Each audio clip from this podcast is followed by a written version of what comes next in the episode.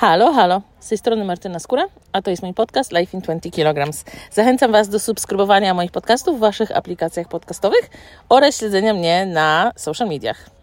Dodam, że ten podcast próbujemy z moją gościnią nagrywać już chyba piąty raz i z bliżej niezidentyfikowanego mi powodu e, technologicznego e, za każdym razem się e, zacina, zawiesza i nie da się go wznowić. Także mm, mimo naszych emocji związanych z nieporadnością systemu elektronicznego, mam nadzieję, że podcast Wam się spodoba. Mój poprzedni podcast z gościnią, e, z Pauliną, był o życiu w miejscu e, bardzo zimnym, a teraz zabieram Was e, w miejsce nie dość, że ciepłe, to różniące się znacznie populacją w porównaniu do bieguna. Moją gościnią jest dzisiaj Hello, hejka, namaste, tu Margita. Margita przyjechała y, aż z Indii i y, w swoim napiętym grafiku y, podróży po Polsce znalazła czas, żeby spotkać się ze mną. Y, my w ogóle z Margitą znamy się y, z internetów, ale o tym zaraz. Y, teraz obecnie siedzimy w Gdyni Orłowie pod klifem kolejny raz próbując nagrać y, ten podcast. Ale jest bardzo klimatyczny. y, tak, dzięki bardzo za cierpliwość. Y, z Margitą znamy się z internetów. Y, już nawet dzisiaj próbowałyśmy dojść do tego, jak y, ktoś ponoć y, pewnie udostępnił Polki żyjące gdzieś tam za granicą i tak na siebie trafiłyśmy. Ale bliżej poznałyśmy się, gdy w 2020 pierwszym, gdy mieszkałam na Malediwach, e, na moim stories żeliłam się bardzo na temat jakości bielizny, a konkretnie majtek, e, kupionych w takim e, pewnym sklepie, gdzie dużo rzeczy się kupuje, ale nie są najlepszej jakości, co by nie mówić imienia, nazwy. I Margita do mnie napisała, że ej Martyna, ale jakbyś potrzebowała, to ja ci wyślę majtki z Indii. No i te majtki do mnie dotarły. I teraz Margita, pytanie zasadnicze. Czy rzeczywiście w Indiach są majtki najlepszej jakości na świecie?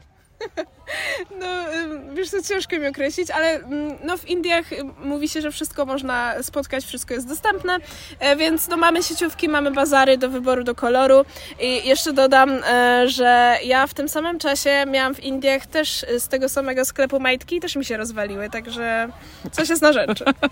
e, tak, majtki kupujcie e, dobrej jakości. E, ja Margitę piąty raz zapytam o to samo pytanie, ale wy usłyszycie je po raz pierwszy. Margita, jak to się stało, że wylądowałaś w Indiach? Um, wszystko zaczęło się od studiów, a właściwie chwilę przed studiami.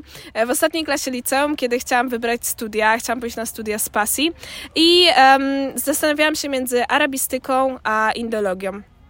W ogóle swoją drogą, co to za decyzje życiowe trzeba podejmować w wieku 18 lat? Prawda. Dzisiaj o życiu nic nie wie. Prawda, prawda. No, um, no i właśnie ja przez to, że lubiłam się bardzo uczyć języków obcych i, i ten angielski jakoś mi bardzo łatwo wszedł, że tak powiem, e, to stwierdziłam, że teraz czas coś na poza, czas na coś pozaeuropejskiego. No i tak trafiłam na indologię. Na początku nie wiedziałam w ogóle, co to są za studia. E, chciałam się też przeprowadzić do Wrocławia. Odkryłam, że jest filologia indyjska i kultura Indii we Wrocławiu. E, udało mi się dostać. No i tak właśnie wylądowałam na indologii, co uważam za moją najlepszą decyzję w życiu dotychczasowym. E, no i na tej indologii e, miałam taką niepowtarzalną okazję, żeby mm, podróżować do Indii co roku po zimowej sesji. E, były to wyjazdy razem z profesorami, z innymi studentami. No coś niesamowitego i bardzo doceniam te wyjazdy. Um, też pod tym względem, że mogliśmy się uczyć Indii właśnie w praktyce. Um, to były też takie budżetowe wyjazdy, więc e, podróżowaliśmy na przykład e, najniższą klasą pociągu, e, klasą sleeper, to jest pierwsza klasa, gdzie można zarezerwować miejsce, ale podróżuje się w pozycji leżącej. Znaczy można też siedzieć, ale po prostu są miejsca leżące. Czyli takie kuszetki jakby. Tak, tak, coś takiego. E, tylko to nie jest jakiś nie wiadomo jaki standard, to jest jakby mm, najniższa klasa z rezerwacją miejsca, może tak to ujmę. E, Um, No i oprócz tego, że właśnie uczyliśmy się, widzieliśmy w praktyce, jak na przykład, nie wiem, targować się o rikrze, znaleźć peron, wagon i, i tak dalej, e, no to też właśnie w miejscach, czy w świątyniach, czy, czy w jakichś zabytkowych fortach mogliśmy się e, pytać profesorów, e, czemu tak, a nie inaczej i naprawdę to były bardzo wzbogacające i, i, i dużo się wtedy po prostu nauczyłam, bardzo doceniam te wyjazdy. No super. Ja na studiach jeździłam do browaru albo do mleczarni. Dużo pytań nie zadawaliśmy, ale dostaliśmy później wyprawki. jako studenci bardzo docenialiśmy. No wiesz, znaczy te wyjazdy do Indii nie były e, sponsorowane przez uczelnię, no trzeba było sobie na nie albo uzbierać, albo prosić rodziców. E, no natomiast no uważam, że to była naprawdę genialna, genialna okazja. E, no i od tych wyjazdów po prostu jeszcze bardziej mnie ciągnęło do tych Indii. I jak już skończyłam licencjat, nie wiedziałam co dalej. Właściwie nic mnie w Polsce nie trzymało i chciałam wyjechać z tej Polski. Nie chciałam już tu dalej mieszkać. Znam to. No właśnie, to doskonale rozumiesz. I, no i szukałam jakiejś możliwości. E, okazało się, że jest dostępne stypendium sponsorowane przez rząd indyjski, stypendium języka hindi do Agry. E, miałam też okazję jechać z moją najlepszą przyjaciółką ze studiów, więc po prostu jak się tylko dowiedziałyśmy, że się dostałyśmy, to poleciałyśmy na 8 miesięcy uczyć się języka hindi w Agrze. E, no i było super. Ja w ogóle tak traktowałam ten wyjazd, że to będzie dla mnie taki test, jak mi się będzie żyło w Indiach, czy ten kraj jest dla mnie do życia, bo wiadomo, to jest coś innego podróżować po danym kraju, a, a żyć tam, mieć e, codzienną no, no, rutynę po prostu i, i różne rzeczy do, do ogarnięcia na miejscu. Em, więc e, te 8 miesięcy to było dla mnie tak nie za krótko, nie za długo i właśnie traktowałam to taki, jako taki test. E, I jeżeli wszystko będzie fajnie, to chciałabym tam dalej mieszkać, a jeżeli nie, no to po prostu będę wracać sobie do tych Indii i podróżować. I wyjeżdżałaś z Indii, samolot startował. Tak, no i oczywiście płakałam, no po prostu zaraz jak się oderwał od płyty lotniska.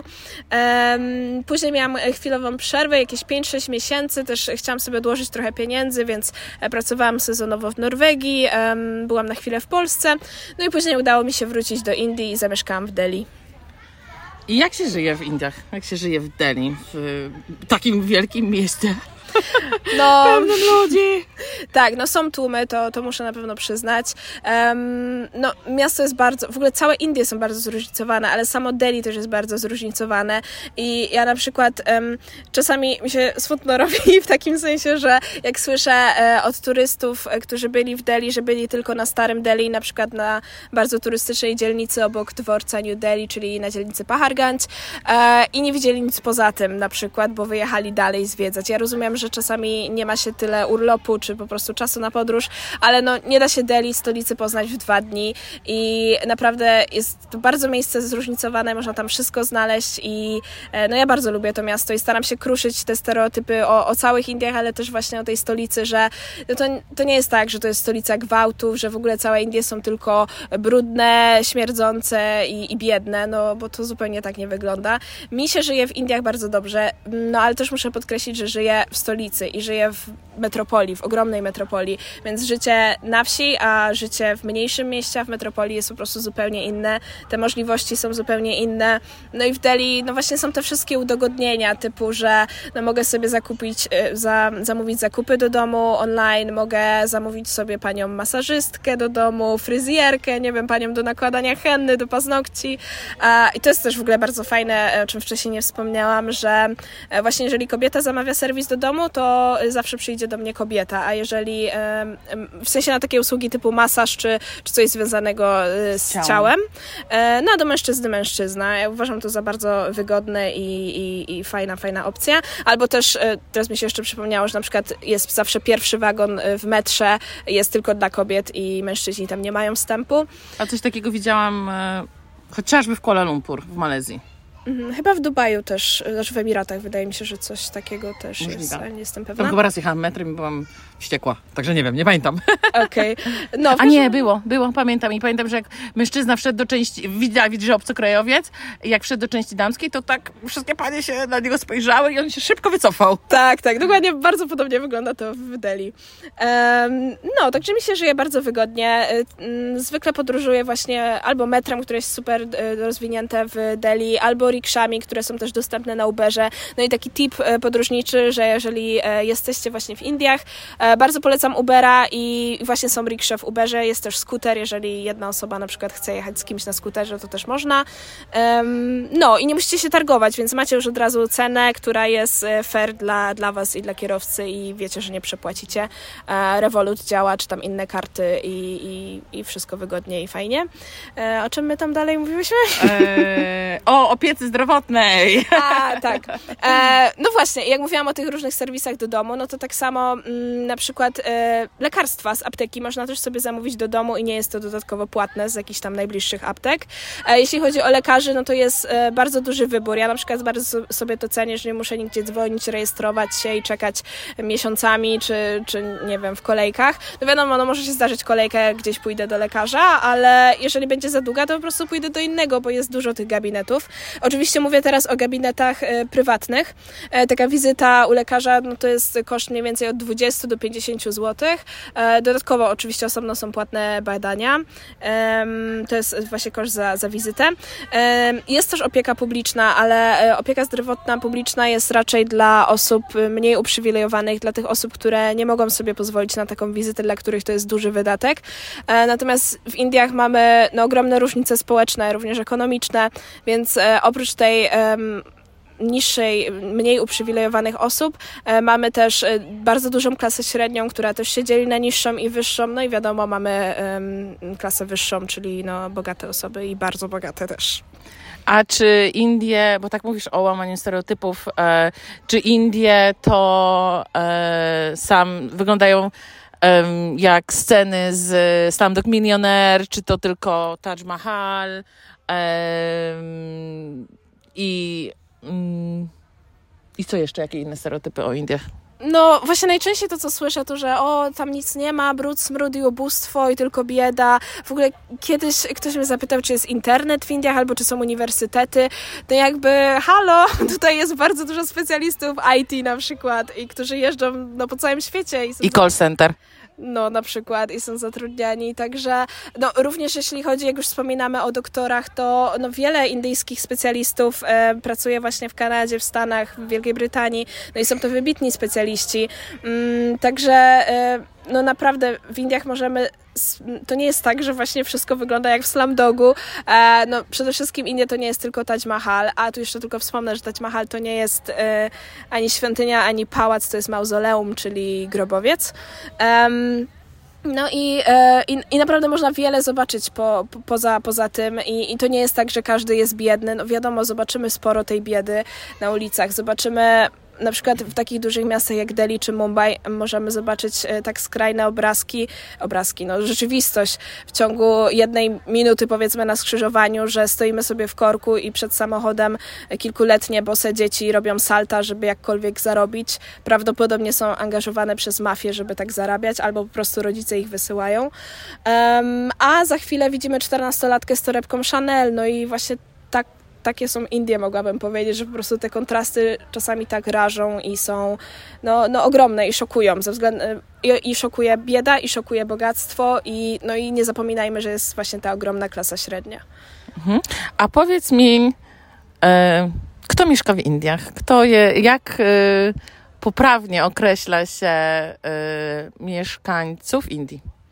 Um, no, po, najbardziej poprawnie powinniśmy mówić Indusi, czyli mamy Indusa i Induskę y, jako obywatela Indii. E, natomiast w języku polskim bardzo się przyjęło Hindusi, Hindus, Hinduska. Natomiast nie jest to do końca poprawne i z doświadczenia wiem, że niektórzy Indusi, którzy nie wyznają hinduizmu, mogą się obrazić za określenie ich Hindusem bądź Hinduską, ponieważ w Indiach mamy bardzo dużo religii. Tam w ogóle się narodziły cztery religie świata. Um, oprócz tego, że mamy właśnie Hindusów, czyli osoby wyznające hinduizm, E, to jest jakby religia, która e, ma najwięcej wiernych. Natomiast na drugim miejscu jest islam, na trzecim miejscu jest chrześcijaństwo. Także Indus i Induska no, mogą równie dobrze być chrześcijanami, muzułmanami, um, sikhami, dżinistami. No naprawdę jest tego bardzo dużo. E, plus do tego jeszcze jakieś lokalne wierzenia plemienne, więc to nie jest tak, że każdy, każda osoba, obywatel Indii wyznaje hinduizm. E, to o tym, o tym należy pamiętać. Mm. A, e, a powiedz mi, bo to jest y, też wracając do tego stereotypu, którego, który musiałyśmy ominąć wcześniej, y, czy to prawda, że każdy dom w Indiach ma y, swój pomoc domową, personel sprzątający, e, służący, to jest takie bardzo nie, nieprzyjemne, niepoprawne określenie. My nie mamy takiego określenia, jak jest maid po angielsku, ale w Czy w Indiach rzeczywiście tak jest, że każdy ma taką osobę u siebie w domu. Mhm. No, nie chciałabym uogólniać, że każdy, ale y, no bo, no bo tak nie jest i też no, nie jesteśmy w stanie, nie jestem tego w stanie zweryfikować, ale jest to bardzo popularne. Y, zarówno właśnie nie tylko najbogatsi ludzie mogą sobie pozwolić na służących, ale właśnie też ta klasa średnia. Jeżeli to nie jest osoba, która mieszka już z rodziną, właśnie sprzątająca czy, czy gotująca, y, to często jest to osoba dochodząca na przykład na 2-3 dni na takie gruntowne sprzątanie, ale no, w Indiach to musimy codziennie zamiatać i myć podłogi, więc czasami to wygląda tak, że pani albo pan e, sprzątający przychodzą właśnie na przykład na, nie wiem, godzinę czy na dwie e, rano, żeby po prostu te podłogi umyć. Mhm. A e, powiedz mi, czego cię nauczyło życie w Indiach? Hmm, tutaj muszę się chwilę zastanowić, ale ja w ogóle bardzo, bardzo doceniam Indię za takie um, otworzenie mnie na ludzi, za, za duchowość, za to, że Mm, nauczyło mnie na pewno y, zwracać uwagę na różne energie i to od ludzi, od miejsc, y, żeby też dbać o tą swoją energię, żebym mm, wiedziała jakby z kim i z czym chcę mieć do czynienia, co mogę czerpać z tego świata. Tak bardzo duchowo wydaje mi się, że Indie mnie rozwinęły. E, też mm, tak w takich prostszych rzeczach i codziennych. Na przykład przestałam się przejmować tym, że jak jestem spocona, to że to widać.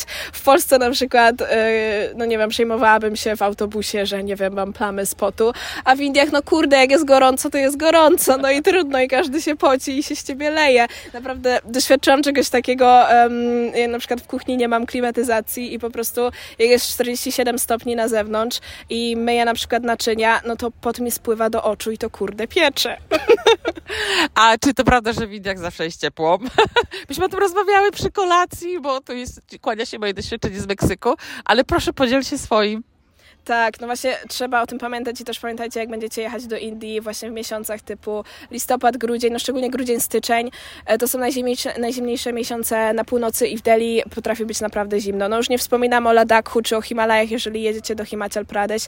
Tam no jest śnieg normalnie i no zresztą halo, Himalaje są bardzo blisko, więc e, naprawdę może być mega, mega zimno. Oczywiście śnieg, minusowa temperatura, ale w Delhi nie mamy opadów śniegu, ale nawet jeżeli jest 20 stopni, czy schodzi dochodzi do zera, powiedzmy nad ranem w ciągu nocy, to wewnątrz w pomieszczeniach to jest ten problem, że jest bardzo, bardzo zimno. Ja czasami pracuję owinięta kocem, bo po prostu się nie da.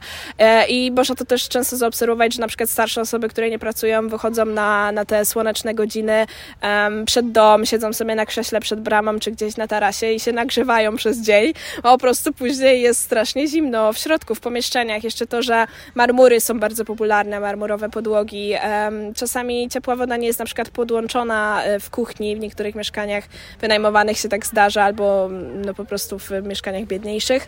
E, no i myć po prostu naczynia w tej lodowatej wodzie, naprawdę to jest coś, coś strasznego mało przyjemnego, co by łagodnie powiedzieć. A powiedz mi, komu byś poleciła e, wyjazd do Indii? Bo ja wielokrotnie, gdy dostaję takie pytanie, e, jak zacząć podróżować, to mówię, żeby nie rzucać się e, z motyką na słońce i jeżeli to jest nasza pierwsza podróż zagraniczna, to nie jechać do Indii, tylko na przykład do Czech. powiedz mi, jakie jest Twoje doświadczenie i komu byś poleciła wyjazd do Indii albo w którym momencie życia lub doświadczenia podróżniczego? Mhm. No, na pewno się zgadzam z tym, co powiedziałaś i na pewno nie wysłałabym początkującego podróżnika do Indii na wyjazd e, samodzielny, backpackerski, no, czy w ogóle organizowany samodzielnie. Natomiast jeśli ktoś ma bardzo duże doświadczenie i najlepiej, jeżeli już był wcześniej w Azji, um, no Indie są, moim zdaniem, to jest kraj nieporównywalny do żadnego innego i naprawdę trzeba się dobrze przygotować do tego wyjazdu, bez względu na to, czy jedziemy samodzielnie, czy jedziemy z biurem, czy jedziemy z przewodnikiem, czy bez. E, uważam, że trzeba poczytać o kraju, trzeba się przygotować. Dobrze jest też znać popularne turystyczne skamy. Jeżeli jedziemy do turystycznych miejsc, to wiedzieć, jak się nie dać naciągnąć. Natomiast no Indie to to nie jest też wyjazd backpackerski na przykład jak do Tajlandii. E, Indie są ogromne, trzeba sobie to dobrze zaplanować, odległości są bardzo duże, e, może się zdarzyć, że nie wiem, coś się spóźni, e, na przykład pociąg dalekobieżny, który jedzie przez całe Indie, nie wiem, 5 dni na przykład, e, więc e, no trzeba wziąć i trzeba też trochę cierpliwości ze sobą wziąć na pewno. No, no duże podróżnie, im większe podróżnicze doświadczenie, tym lepiej. E, no natomiast fajnie by było być już wcześniej w Azji, no nie powiedziałam, że to jest konieczny warunek, ale no na pewno dobre przygotowanie to jest, to jest klucz. Mhm. Okej. Okay. A powiedz mi, e, gdzie e, jest teraz twój dom? Hmm. No. Kolejne y, typu, pytanie typu sens życia? No bardzo, bardzo ciężkie w ogóle, bo ym, no ja chyba na tym, jeżeli mam być w 100% szczera, mam wrażenie, że na tym etapie życia ja kocham Indię najbardziej ze wszystkich krajów świata i, i to już zawsze chyba będzie mój dom, e, bez względu na to, jak to życie się dalej potoczy, czy tam założę kiedyś rodzinę, czy nie, czy, czy będę tam miała stały pobyt, czy nie. Um, wydaje mi się, że, że Indie zawsze będą domem i no wiadomo, Polska też będzie zawsze domem i no i tego już chyba nie umiem inaczej skomentować, po prostu te dwa domy. Znaczy to jest, dla mnie to jest super, bo ja podróżuję tak mm, długo, dystansowo, długoterminowo od 11 lat i byłam w wielu miejscach i nadal nie znalazłam swojego domu, także super, że ty znalazłaś. Ale wiesz co ci powiem? E, ja to tak um, pojmuję, że dom to jest takie miejsce, gdzie ja się czuję najbardziej, najbardziej swobodnie i gdzie takie bardzo proste dźwięki, jak na przykład, nie wiem, dźwięk ruszającego się wiatraka u sufitu, albo, nie wiem, w Polsce jakieś... Um, nie wiem, szum lasu na przykład, czy coś takiego, co bardzo mi się kojarzy z danym miejscem, też pewnie mam jakieś wspomnienia, nie wiem, z dzieciństwa, czy, czy z innego okresu, to, to jest właśnie to miejsce, które nazywam domem, gdzie właśnie takie bardzo proste dźwięki, czy zapachy, czy, czy smaki mnie po prostu uspokajają i czuję się tam najlepiej. Mhm. Super powiedziane. ja dalej szukam e, takiego miejsca. E, a powiedz mi e, takie już e, jedno z ostatnich pytań. E, gdzie cię można znaleźć? E, fizycznie, niefizycznie, internetowo? jeżeli ktoś byłby zainteresowany Indiami, wyjazdem do Indii, to gdzie może z tobą pogadać? E, no najbardziej aktywna jestem na Instagramie, znajdziecie mnie tam pod nazwą margita.in. No i e, jest jeszcze fanpage na Facebooku pod nazwą Zobacz Indię. No przyznam, że tam troszeczkę zaniedbuję, bo Instagram to jednak jest moja ulubiona aplikacja. E, no i też na Instagramie możecie zobaczyć te Indie u mnie na co dzień. Wracam zaraz pod koniec września, także no, możecie obserwować. No i jak ktoś ma ochotę, czy, czy po prostu zapoznać się z Indiami online, z, podczas konsultacji ze mną, czy jak ktoś potrzebuje pomocy, czy w Delhi, czy, czy planu podróży, to jak najbardziej zapraszam do mnie. E, mogę też popilotować wycieczkę bardzo chętnie. No, natomiast e, jakby normalne spotkanie, jeżeli ktoś jest w Delhi i akurat oboje się zgramy czasowo, to czy na kawę, czy na pyszne indyjskie jedzenie najlepsze na świecie, e, zapraszam. E, najlepszy czaj również, ponieważ e, e, oryginalny czaj z Indii e, właśnie do mnie przyjechał w plecaku Wargity. Zresztą jestem e, mega wdzięczna, ponieważ e, od czasu mojej podróży na Andaman, czyli w 2019, czaj jest moją wielką miłością, żywię wielką, niepohamowaną miłość do tego napoju. także przyjechał do mnie taki z Indii, za co jestem bardzo wdzięczna. A pijesz słodki? Słodzisz dużo? To zależy. Kiedyś sądziłam bardziej, teraz y, chyba staram się pić y, coraz mniej, y, mniej słodki. Mhm. To coś ma jakieś znaczenie? Y, nie no, właśnie w Indiach gdzieś też warto o tym pamiętać, jeżeli ktoś na przykład nie pije z herbaty z mlekiem i z cukrem, to warto powiedzieć, żeby dali po prostu czarną herbatę, bo jeżeli powiemy ciaj, no to zawsze ciaj to jest mleko i cukier i w Indiach bardzo, bardzo dużo cukru. W małej ilości to nie jest herbata jak pełny kubek u nas, tylko po prostu malutki kubek, właściwie taka filiżanka można powiedzieć. Um, no natomiast warto o tym pamiętać, bo, bo często tego cukru jest tam bardzo, bardzo dużo. No właśnie, ja z Indii pamiętam e, czaj i samosy. Na łodzi nurkowej. e, a e, takie ostatnie pytanie do ciebie. Czy e, chciałabyś nie wiem, coś przekazać, jakąś taką myśl przewodnią albo myśl zakończeniową e, na temat Indii mhm. naszym słuchaczom i słuchaczkom?